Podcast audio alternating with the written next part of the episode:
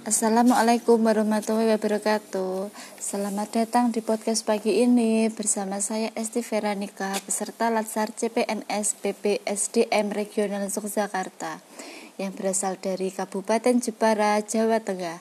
Akan mewawancarai Bapak Edi Wiyoko SPD Selaku guru senior di SDN Negeri 2 Ngandong Merupakan salah satu SD di Kecamatan Keleng, Kabupaten Jepara telah hadir bersama saya di sini.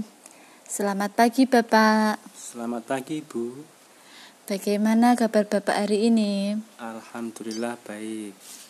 Alhamdulillah, untuk mempersingkat waktu, kita bisa mulai ya Pak. Pertanyaan pertama, apakah Bapak mengetahui nilai-nilai dasar apa saja yang harus dimiliki PNS? Nilai-nilai dasar PNS atau disebut aneka ya Bu ya, kalau tidak salah seperti itu. Nilai-nilai dasar PNS itu ada akuntabilitas, nasionalisme, etika publik, komitmen mutu, dan anti korupsi. Nah, menurut Bapak, nilai-nilai dasar PNS tersebut apakah sudah diimplementasikan di SDN 2 Ngandong ini, Bapak?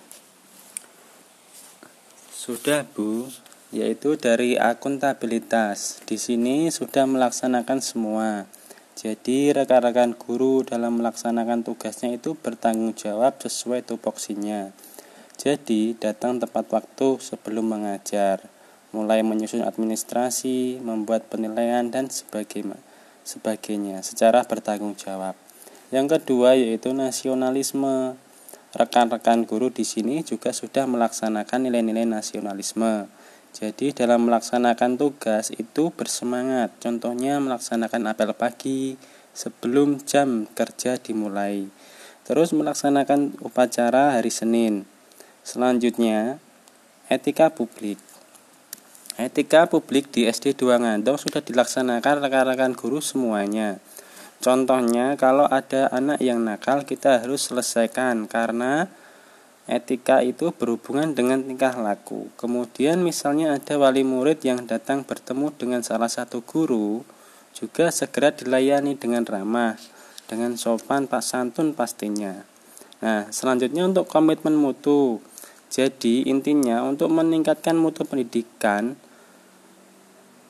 untuk menambah pengalaman pengetahuan, jadi rekan-rekan guru ada yang mengikuti diklat, mengikuti pelatihan dan workshop demi untuk meningkatkan mutu pendidikan di SD 2 Ngandong. Dan yang terakhir, anti korupsi di lingkungan saya bekerja rekan-rekan saya tingkatkan kedisiplinannya karena korupsi itu banyaknya tidak harus mendapatkan keuntungan secara materi. Contohnya, ya seorang guru bisa korupsi waktu yang seharusnya datang jam 7 tepat, kadang molor banyak alasan, itu salah satu tindakan korupsi. Maka dari itu kita tingkatkan biarkan biar tidak korupsi waktu kita adakan absen dengan cara face print. Yang mana itu tidak hanya jari saja tapi muka juga ikut direkam. Seperti itu Bu Esti.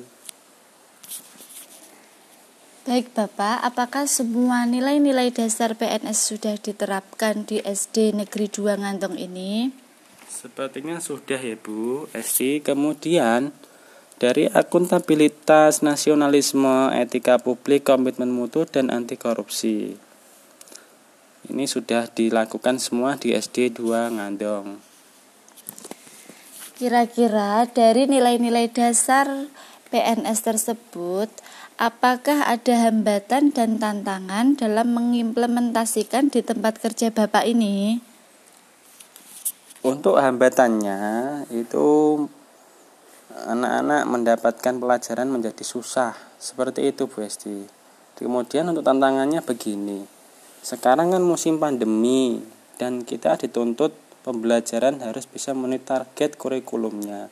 Jadi untuk merupakan tantangan kita ya memang tidak bisa tidak tidak dapat tatap muka dengan anak sehingga kita juga tidak bisa memantau tingkah laku anak sebagaimana yang seharusnya kita lakukan kalau tatap muka.